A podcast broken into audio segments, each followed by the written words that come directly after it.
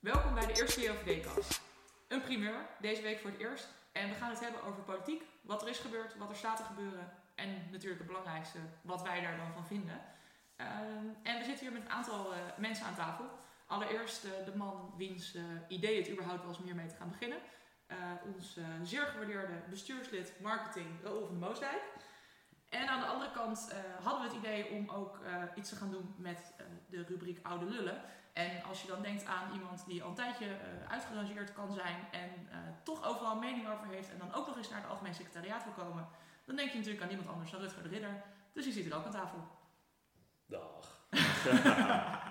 ja, vind je kut hè? Leuk dat we hier mogen zijn. Hè, Ja, toch. Ja, ik had iemand nodig gekeken naast me op de bank. Ik dacht, nou ja, die heeft ook wel een mening. Kunnen we gewoon gaan doen. En die heeft niet zoveel te doen, dus die komt ook maar. Nee, je zou het bijna denken. Het is, het is wat. Even kijken. Oh, jij had een aantal dingen waar je het, eh, het graag over zou willen hebben vandaag. Waarvan je denkt, dit is echt, eh, Ja. echt belangrijk geweest. Dat, dat, dat klopt dan ook. Ehm, afgelopen zaterdag hebben we natuurlijk onze nieuwjaarsborrel gehad. Onze nieuwjaarsreceptie van de JOVD. En Wat was het zoals- blauw, hè? Wat zeg je? Wat was het blauw, hè? Ja, het was heel blauw.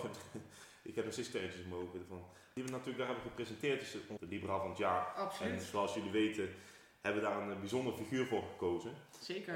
Dus ik ben wel benieuwd eh, wie, dat, is. Hè? en, Want daar hebben we daar dat nog wel even over. Ehm, en daarnaast het vuurwerkverbod. Eh, Ja. Althans, het vuurwerkverbod. Na Het, een het paar blijft een weken dingetje. blijft een dingetje. Na een paar weken is de VVD eindelijk gedraaid. Net zoals elk onderwerp de afgelopen jaren. Ehm, maar ik ben wel benieuwd eh, wat onze kijk daar precies op is. En eh, Ja. wat onze oude lul daarvan vindt. Hè. Dat is ook wel belangrijk, hè? Want zover ik weet, Ja, eh we steekt hij af en toe ook nog wel een eh eh, vrede vuurtje aan. Of hoe noemen jullie dat daar in... eh, Een vreugdevuur. een vreugde- vreugdevuur. Vrede, ik dacht even vrede, maar zo vrede Nee, dat was hartstikke leuk. Ja, zo leuk. ja, het is wel heel veel vreugde, maar als je er in de buurt woont, eh, zeker vorig jaar, dan was het niet zo'n vreugdig begin van het nieuwe jaar. Ik vind brandende auto's altijd heel gezellig aan. Doe jij niet? Nou ja, ik ben mijn huis niet uitgezet en mijn auto stond er ook niet, dus ik vond het allemaal prima. Maar, Dat is waar. eh, Kijk, en daarom woon ik in Brabant, daar hebben we nooit last van. Maar dat staan elke week auto's in de. Nee, daar gebeurt ook heel weinig. Er Nee, wordt alleen af en toe drugs gemaakt weer verder. nee, dat, eh, eh, nee, maar even zonder gekheid. wat kunnen wij verwachten? Ik bedoel, er is, Ja. elke week gebeurt er zoveel in politiek Den Haag. En eh, het is de bedoeling dat we dit elke twee weken gaan opnemen. Ja, Eh, althans, dat is mij te oren het gekomen. zou ook leuk zijn als iedereen dan luistert. En als i- dat er mensen naar luisteren, dat is ook wel een dingetje. Dus eh, wa- waar kunnen we op rekenen over twee weken? Eh, Ja, nee, allemaal, allemaal waar. Waar zullen we beginnen? nou, Gaan we ik, bij Liberaal van het jaar? ik denk dat we heel simpel kunnen beginnen, Libera van het jaar. Hè? Nou, gaan we dat doen, helemaal goed. Dan moeten wij even een trom... Je zou bijna denken, bijna tromgeroffel. trom, eh, Ja, het is een grote verrassing. Het heeft nog niet op Facebook gestaan, ook niet op andere social media. Maar Liberaal van het jaar 2019 is eh, natuurlijk geworden eh, Prins Constantijn. natuurlijk. Natuurlijk, ja, dat had ook niemand anders kunnen zijn, toch? Eh, Ik denk, Ja. leg hem er even lekker boven. Nee, ja, kijk, het, het is één dingetje. Het is iemand van het Koningshuis. Eh, Absoluut, ja.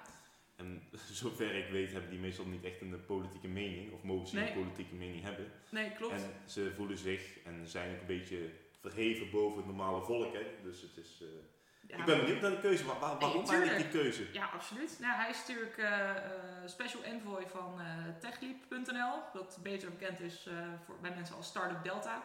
En eigenlijk in die rol is hij de afgelopen jaren het boegbeeld geweest van ondernemers, van vooral kleine ondernemers, om ervoor te zorgen dat wij dus niet op het gebied van innovatie alleen maar achterlopen op Silicon Valley, op China en ongeveer elk ander land wat dit beter op orde heeft dan Nederland. Eh, maar dat hij er juist voor zorgt dat die mensen dus ook een plek hebben en dus ook de middelen krijgen om eh, met een innovatief idee aan de slag te kunnen gaan. En zeker afgelopen jaar heeft hij natuurlijk best wel eh, van zich laten horen. Wat je zegt, hij is eh, lid van het Koningshuis. Niet alleen dat, hij is de, de vierde opvolger van, van onze geliefde koning. Ehm, in die rol heeft hij dus ehm, eigenlijk gezegd, te- direct tegen het, tegen het kabinet: Wij hebben gewoon meer geld nodig. Anders kan ik jullie ambitie niet waarmaken, anders kan ik mijn rol niet waarmaken en dan stop ik ermee. En dat is natuurlijk best wel, eh, ja, niet, niet, niet alleen noemenswaardig, maar het is eigenlijk ook wel gewoon, ja, best wel, eh, om met eh, Rutte te spreken, best wel gaaf dat je dat dan doet. Want je mag je niet met politiek bemoeien, Mhm. maar aan de andere kant zet je je dus wel in zulke mate in voor, voor jouw doel. En daar heb je dus ook politiek voor nodig. Ja, voor alle duidelijkheid, hij is al vanaf 2016 eh, Ja. Klopt. ambassadeur van Ja. de partijen. Oké. Maar hij is dus opvolger van Nelly Kroes. Ja, Die is ook, ook ooit nog. liberaal van het jaar geweest. Weten we nog waarom zij liberaal van het jaar was? Nou, dat is eigenlijk meer uit jouw tijd, toch? Dat zou jij moeten weten. Nee, dat is zelfs voor mijn 28, tijd. dus, Zelfs eh, voor mijn tijd. Nee, ja, zij werd natuurlijk liberaal van het jaar omdat zij commissaris mededinging Ja. was en net ehm, allerlei boetes had uitgeschreven naar eh, Microsoft volgens mij, miljarden boetes. Ja. Maar dat even voor het rubriekje oude lullen. Eh, over die prins Constantijn.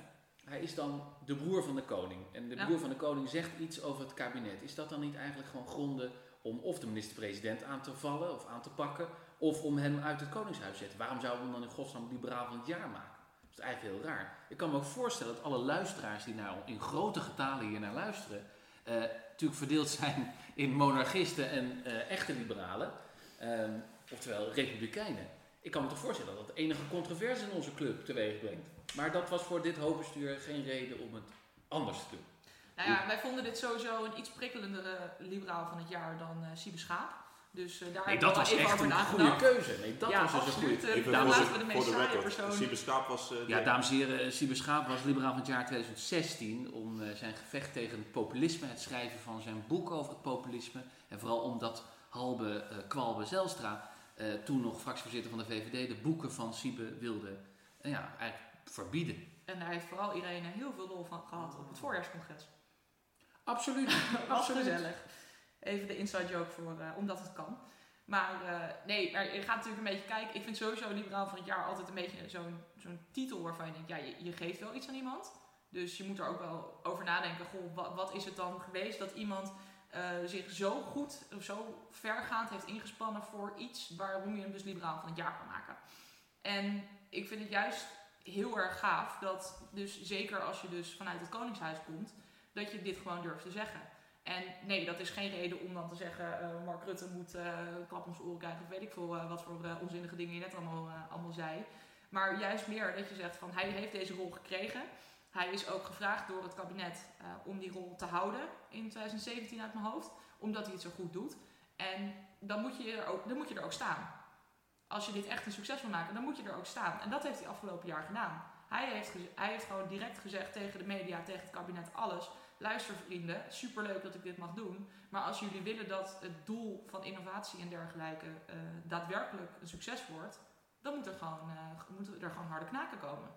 Dus eigenlijk, als ik jou zo goed hoor, is, zijn die demonstraties op het Malieveld die we afgelopen maanden hebben gezien, die begonnen eigenlijk al begin van het jaar met Constantijn die aan het, in zijn heeft, eentje eh, aan het demonstreren ja. was ergens in een paleis. Ja, die stond met er heel in veel zijn geld. eentje. Die stond er eens eentje op Malieveld. Toen eh, kwamen de VVD'ers niet vloggen en toen kwam niet iedereen langs. En toen eh, had hij ook geen trekkers of bouw, eh, bouwkranen bij zich.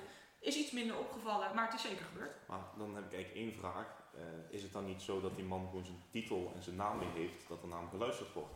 Want als, er, als het kabinet er zo lang over doet om bijvoorbeeld naar de boeren te luisteren Mm. of naar de bouwers en ze moeten hier met grote getalen een hoop herrie komen maken en dan pas luisteren ze. Hmm. Maar dan eh, zo'n, eh, als ik het mag zeggen, Pipo eh, met zijn kroontje op. Oranje eh, pico. Ik ben blij dat hij niet de koning is, anders was het toch majesteit. Ja, zoals het maar. Ja, Majesteit ja, ja, ja. Ik weet zouden we dingen zoals fuck de koning niet meer mogen zeggen. Nee, ik, Oh, dan zei ik het toch. toch. ik denk dat we dit straks even gaan piepen. Dat gewoon Dat eh, maar dan vraag ik een beetje. Oh nee, ja. dat zijn de belastingdiensten. maar ik vraag me een beetje af dan, ehm, natuurlijk mooi wat hij allemaal heeft gedaan, Mm. maar had iemand zonder zo'n titel ook zoveel in zo'n korte tijd hebben kunnen bewerkstelligen, zeg maar.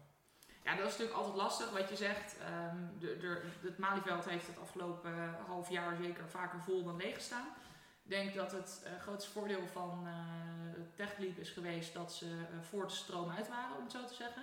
Toen zij om geld vroegen stond niet het hele Malieveld vol en was er in zoverre nog geld om uit te delen.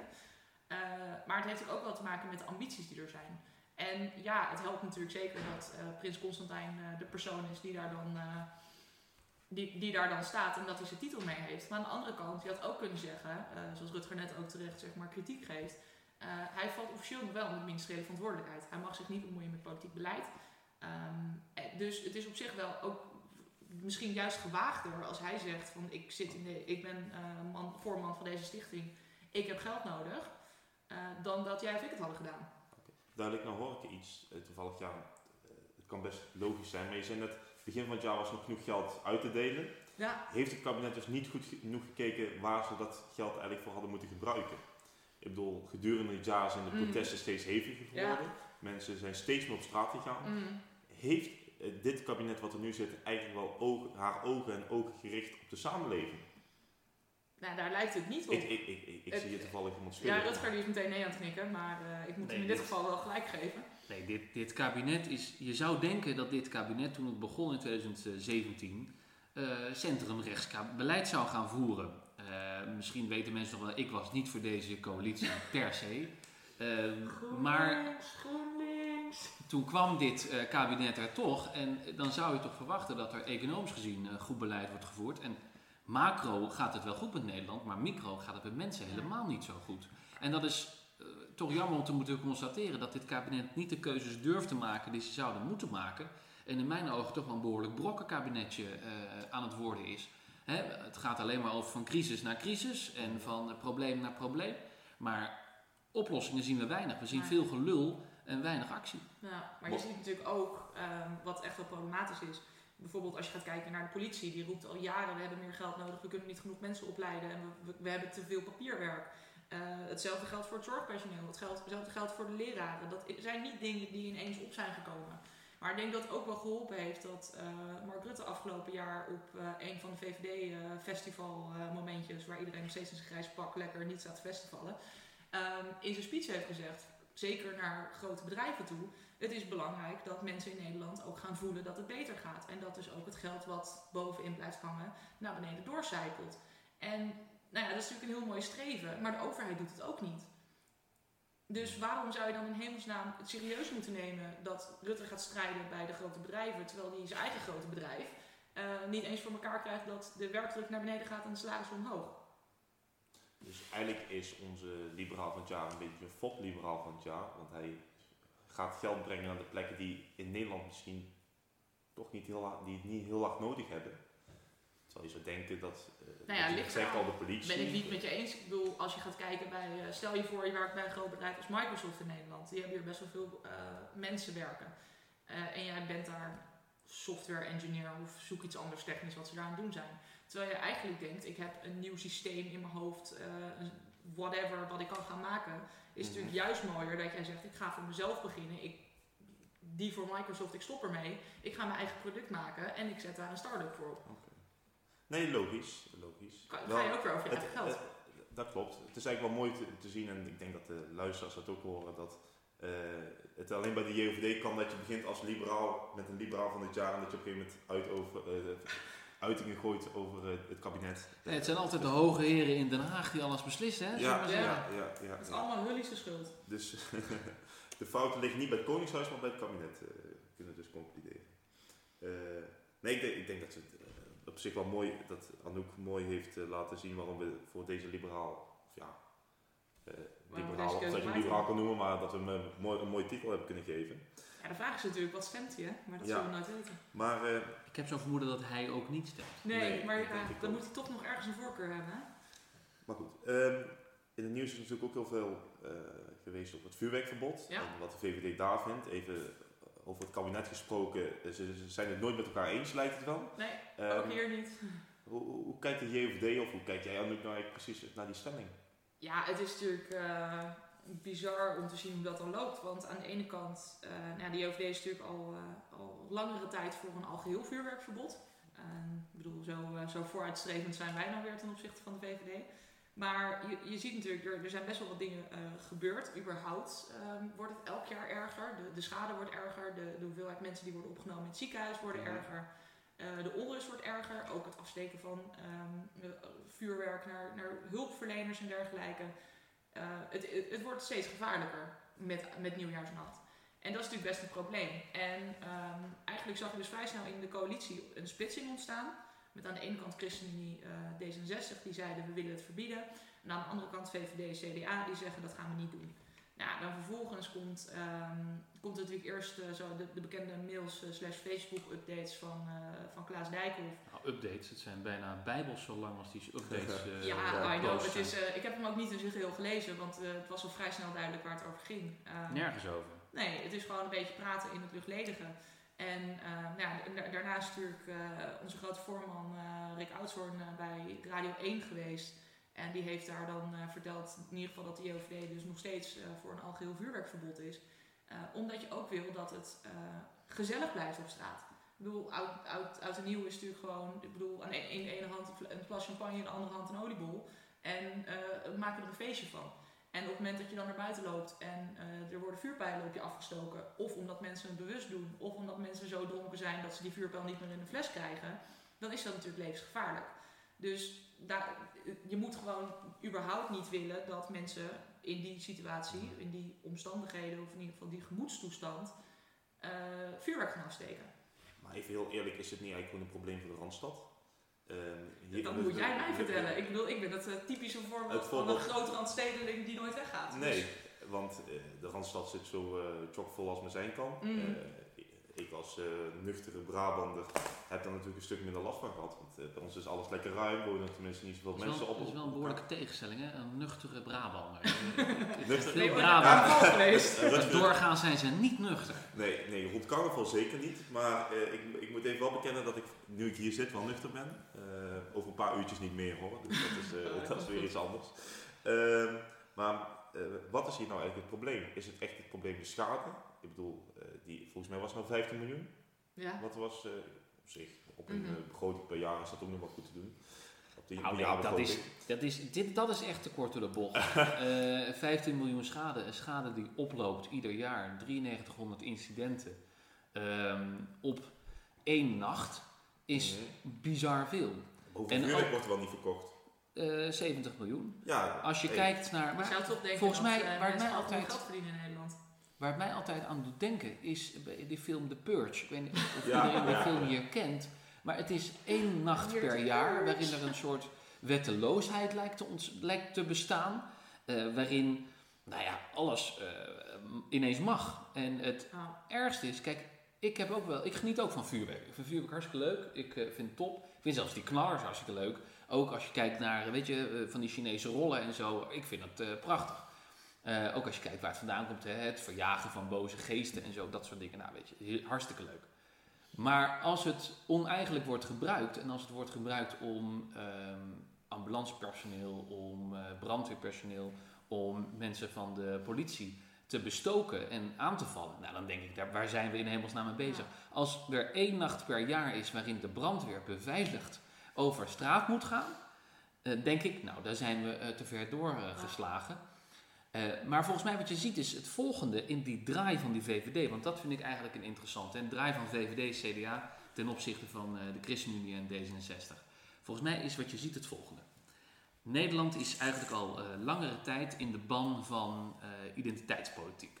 Dat heeft er eigenlijk mee te maken dat we steeds meer, in, geloof ik, dat denk ik in ieder geval, steeds minder eh, gelovig worden, steeds minder kerkelijk worden en daardoor een soort houvast verliezen. Hè, de Nederlandse ident- identiteit is zoals Maxima hem al beschreef in 2002 of 2004 geloof ik, onvindbaar of misschien de Nederlandse identiteit bestaat niet. Er zijn zoveel identiteiten. Dus wij vinden het heel moeilijk om ons ergens aan vast te houden. En dan zie je dus dat alles wat verandert, of het nou van Zwarte Piet is, eh, of vuurwerk, of eh, Nederlandse les op school, eh, of het whatever. Ik bedoel, de Universiteit van Twente heet tegenwoordig de University of Twente, omdat het allemaal in het Engels moet, waarschijnlijk omdat er veel internationale studenten zijn. Alles wat verandert vinden we eng en vinden we moeilijk. Die tukkers kunnen geen Engels. Nee, misschien is dat de reden om die tukkers van die, Twen- van die universiteit af te halen. Ja, maar dat- dat, is, dat hou ik dan even, eh, dat laat ik dan aan jou worden. Ehm, maar wat je dus ziet is dat de identiteit steeds belangrijker wordt. En altijd als er dan iets verandert, dan is er, zijn er hevige protesten voor. En volgens mij is verandering aan de identiteit en verandering aan de samenleving, bestaat dat altijd en loopt dat altijd eh, door. En zou je dus ook niet bang moeten zijn voor verandering. Ehm, maar de VVD ziet dat Forum voor Democratie en de PVV eh, in hun nek hijgen als het gaat over identiteit. En wat je ook ziet is dat eh, de VVD nooit een draai echt durft te maken voordat het CDA die draai heeft gemaakt. Want de achterban van het CDA en van de VVD zijn veelal gelijk. Daarom zie je dat de CDA nu wat kleiner is en de VVD nu wat groter. Samen blijven ze over de afgelopen 25 jaar ongeveer gelijk. Is toch wel apart om te zien dat een VVD haast onmogelijk een eigen standpunt in kan nemen. Ja. Pas wanneer de, de fracties van de VVD in Amsterdam en de VVD in Rotterdam voor een algeheel vuurwerkverbod zijn. Burgemeester van Zanen. Burgemeester van Zanen. Remkes. Remkes, voordat die er allemaal voor zijn, kunnen ze pas die draai maken. En dat maar is natuurlijk wel ongelooflijk vind ik ook bijzonder. Want dan uiteindelijk wordt er gezegd, oké, we zijn dan wel voor een vuurwerkverbod, maar dan alleen bij uh, knalvuurwerk en vuurpijlen. En alleen als het blijkt dat het dan ook nog eens te handhaven is. Terwijl in mijn mening kan je dat dan per definitie niet gaan handhaven. Want dan zou je zeggen, oké, we doen dus wel bijvoorbeeld van die sierboxen, want dat is geen uh, vuurpijl bijvoorbeeld. Uh, is ook leuk, ziet er mooier uit, kan je veiliger afsteken bijvoorbeeld. Maar hoe kan jij als je politie bent en je bent drie straten verderop, zien of het een box is of een pijl? Dat zie je niet. Volgens mij is de enige mogelijkheid om te zeggen, oké, dan bannen we alles uit. Alles is per definitie illegaal. Uh, dan weet je ook, als er ook maar iets wordt afgestoken, dan handel je dus tegen de wet in. En natuurlijk moet er dan, wat je zegt, het is onderdeel van de Nederlandse identiteit. Vuurwerk is leuk, moet erbij horen. Maar waarom moet iedereen dat zelf afsteken? Dus het is veel beter om dan te zeggen, nou weet ik het, uh, het uh, plaatselijke buurthuis die uh, gaat het organiseren. Of de, de winkeliersvereniging, die vraagt gewoon een, um, een vergunning aan. Die heeft dan een showtje van 10 minuten. daar kan iedereen naartoe. De politie weet waar, waar ze moeten zijn als het misgaat. De brandweer staat standby. En het is dan op zo'n manier beperkt. Alleen dat zegt de VVD ook niet. De VVD die doet dan weer zo'n halfbakken, ja jongens, we weten het eigenlijk niet en doe dan dit maar oplossing. En met vervolgens weer een leeg bericht via e-mail en Facebook. Nou, er is één positief kantje aan deze uh, behoorlijk vroege draai, mm. in ieder geval in dit kalenderjaar vroege draai, van de VVD. Dat ze wel nog het hele jaar hebben om dit uit te kristalliseren. Dus je kan er, en daar roep ik ook wel de VVD en het, en het CDA en het kabinet toe op. Ze zullen vast niet luisteren, maar toch. ik roep ze daar wel toe op dat ze ook snel die wetgeving in de maak uh, zetten. Zodat 31 december 2020 al dit gedeeltelijke verbod ingaat en dat er al alternatieven, zoals Anouk net zegt, alternatieven zijn voor die vuurwerkshows. Maar zouden ze dat gaan doen? Ik bedoel, we zitten een jaar voor de verkiezingen. Uh, het CDA zit met het probleem dat ze nog uh, niet weten wie de lijsttrekker moet worden. Die hebben intern veel op Ik weet niet of het vuurwerkverbod nou echt invloed heeft op de lijsttrekker. Nee, maar dat bedoel ik. Ik bedoel, even, waar ga je je op focussen? Bedoel, je ziet zeker uh, in Politiek Den Haag, het is de naam van de dag. Nu is dit belangrijk, nu gaan we hierop in. Uh, morgen is er ineens weer een discussie of Wopke wel of niet geschikt is om premier te worden. En dan gaan we het met z'n allen daarover hebben. Nou ja, het is heel simpel. Je moet dit zo snel mogelijk doen. Wetgeving gaat in Nederland in, in op twee termijnen. Mm -hmm. uh, 1 juli en 1 januari. Nou, ik zou zeggen, laat het per 1 juli ingaan, die wetgeving. Dan is die discussie nu. En dan wordt die voor het eerst, uh, is het 31 december wanneer het aan de orde is.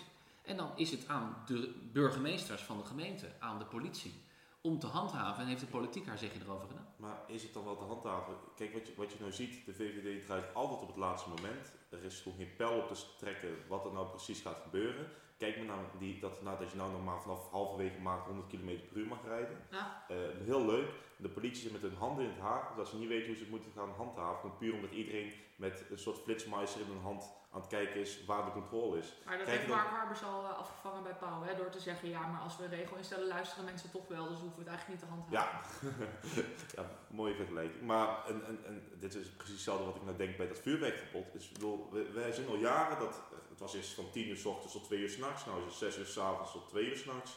Uh, als mensen drie weken van tevoren of drie weken daarna een, een vuurpijltje afsteken, als ik je nou midden op, nou net voor het binnenhof een vuurpijl afsteek, er is geen haan of geen politieman die mij even komt zeggen dat mag niet. En als iemand wel is, dan sturen ze me weg.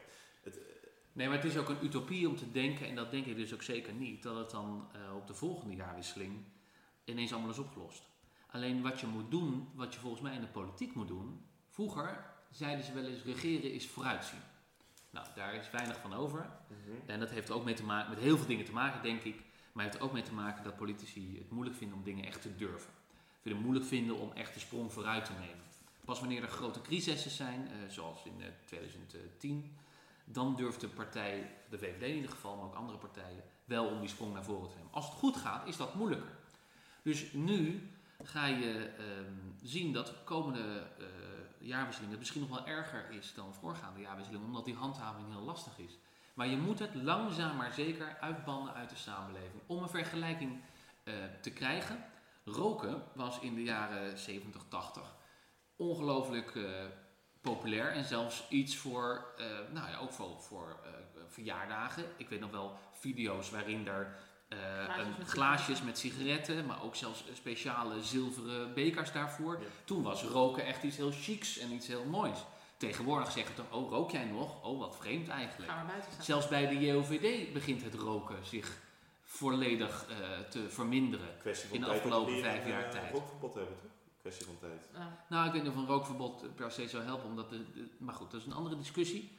Ehm, in ieder geval zie je dat het uit de samenleving aan het verwijderen is. En dat zou je dus ook met de cultuur, ehm, identiteitsgevoelens over vuurwerk moeten doen. Zodat er vuurwerk nog steeds een onderdeel blijft en is van de jaarwisseling. Alleen dan op een heel andere schaal dan dat we dat nu doen. Dat je op iedere hoek van de straat je leven bijna niet zeker bent. In ieder geval hier in de Randstad is dat zo. In het diepduistere Brabant zal het rustiger zijn. Misschien moeten we er even bij vertellen dat wij afgelopen oud en nieuw hebben doorgebracht in het eh, hartje van Scheveningen.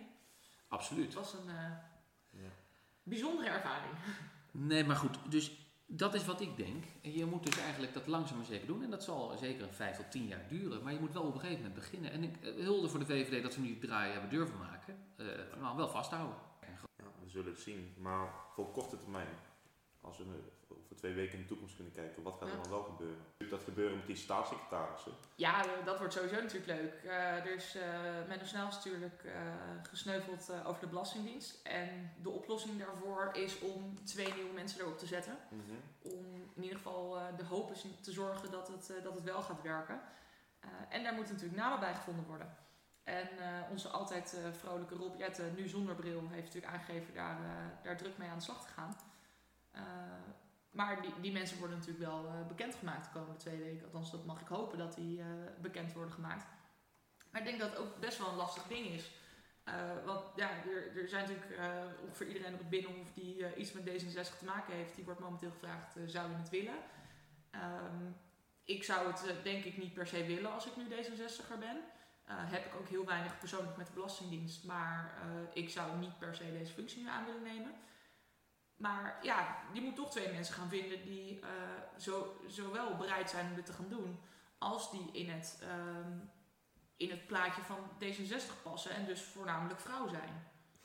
Dat is natuurlijk zeker binnen D66 echt wel een ding dat je, dat je zoveel mogelijk vrouwen naar voren moet gooien. Dus, zoals ik het nou hoor, denk je dat de D66 meer op zoek is naar slachtoffers die willen doen, dan dat ze uiteindelijk gaan kijken van dat ze het wel goed kunnen doen. Nou ja, ik denk dat ze dat ook wel gedwongen moeten. Want ehm, er zijn natuurlijk best wel wat mensen die het zouden kunnen gaan doen. Eh, vanuit Amsterdam, en Udo Kok zou het natuurlijk best eh, kunnen op, eh, oppakken. Maar de vraag is ook, wil je dat? En hoe langer het duurt voordat zij namen naar buiten gaan brengen, hoe verder ik ook denk dat ze zijn gegaan van wie willen wij en wie vinden wij go- goed hiervoor, naar op het spectrum, wie wil deze klus in op zich nemen? Want je moet ook maar mensen hebben die ja zeggen. Dus dat is natuurlijk best wel een dingetje. En het zou best kunnen dat ze zeg maar eh, beginnen met aangarnituur en dan steeds verder een stapje wegzetten totdat iemand eindelijk een keer ja zegt. Maar het interessante is in deze oplossing. Het is natuurlijk een niet heel controversieel, of een eh, vrij eh, ongebruikelijke oplossing. Twee staatssecretaris voor Financiën is de eerste keer in. Ooit, Ooit. denk ik. Eh, dat we daar twee eh, krijgen. Op andere departementen was het wel eens. Hè. Bij Ja. onderwijs waren wel eens twee staatssecretarissen in Balken en vier. En eh, er waren wel meer dubbele staatssecretariaten. Nu doen we dat wel. Maar het interessante is hoe dat daar naar dat besluit toe is ge- gewerkt. In eerste instantie is namelijk in het coalitieoverleg op maandag besproken, zou de minister van Financiën, Bob Hoekstra, het niet zelf willen doen. Want het is een ongelooflijk moeilijk en lastig dossier. Hij is de minister, hij is degene die het toch wel goed doet, althans in perceptie Ja. van Nederlanders En goed hij wil premier worden, dus hij zegt nee. Dankjewel om al het gras van mijn voeten weg te maaien, Anouk. Fijn hoor dat je dat zo doet. Maar inderdaad, hij wil eh, natuurlijk premier worden en lijsttrekker worden van het CDA. Dus CDA heeft daarvoor bedankt. Wij gaan dat niet doen. Tegelijkertijd is het de VVD ook aangeboden om een staatssecretaris daarvoor te leveren. De tweede staatssecretaris. De VVD heeft er ook voor bedankt. Tegelijkertijd zijn het juist het CDA en de VVD geweest die in, na de, sinds 2000 onafgebroken eh, regeren, ofwel het CDA of de VVD, en heel vaak samen. En die hebben die puinzooi bij die eh, Belastingdienst gecreëerd. Toen ze in 2006, meen ik, eh, ook gingen uitbetalen. En niet alleen maar gingen innen met de toeslagen. Het hele toeslagenstelsel moet op de schop. En ik heb ook iemand gehoord in de, in, de, in de media die zei van we moeten eens eerst kijken. Of nee, dat was Frans Wekers, oud staatssecretaris van Financiën. Die zei er moet eerst eens een parlementair onderzoek komen naar de toedracht van deze puinzooi bij de Belastingdienst. Nou, dat lijkt me nou eens een goed idee. Maar daar is heel de Kamer, zegt daar niets meer over. Nee, En dat vind is ik namelijk niet opmerkelijk. wat men in de media wil horen. In de media willen we horen, er wordt nu iets aan gedaan en je krijgt je geld terug als je daar recht op hebt gehad. En je krijgt niet alleen maar zwart gelakte dossiers thuis. In plaats van dat ze horen, we gaan weer met elkaar in beraad en dan gaan we even uitzoeken wat er aan de hand is en dan zien we over een jaar of twintig wel wat we moeten doen. Het probleem is dat je hier een beetje hetzelfde creëert als met zo'n kinderpardon. Het, is, het wordt heel erg op de emotie gespeeld. Er wordt bij elke talkshow komen er een paar uh, maar het bijstandsmoeders of uh, weet ik het, dat mensen in de problemen zijn gekomen om het Ja. daarover te hebben. En iedereen in Mm. Den Haag wordt, als wat je toen straks al zei, de hoge heer in Den Haag wordt Ja. helemaal onderuit gemaakt. Maar je merkt het werkt, want ook bij zo'n kinderpardon, maar ook nu weer met de Belastingdienst. ehm, je zet daar mensen neer die een emotioneel verhaal hebben en het wordt opgepakt en er gaat een eh, staatssecretaris weg in dit geval. En we gaan er met z'n allen iets aan doen in de vorm van twee nieuwe mensen eh, benoemen. Nou ja, en de Belastingdienst is opgeknipt in drie eh, directe- direct- directoraten. Mhm. Dus dat is ook wel, dat is wel een fundamentele verandering. Ja. We hebben nu drie eh directeur-generalen bij de Mm. Belastingdienst. Maar als Dat er was er maar één. Maar als dit niet zo was gebeurd nu, hadden ze dat ook niet gedaan. Dus het is juist geweest omdat die mensen met hun emotie naar voren zijn gekomen. En dat de media dacht, nou dat is een leuk verhaal, zet maar neer. Maar het interessante is in dit verhaal ook. Ik weet, toen ik voorzitter was van de JOVD, was in 2017. En toen was ik ehm, adviseur van het hoofdbestuur van de VVD. Nou, het is een mond vol, maar dat is alleen maar... Dat is ooit bedacht en daar mag je dan eens in de tijd aanschuiven. Dus tijdens de formatie was ik ook adviseur.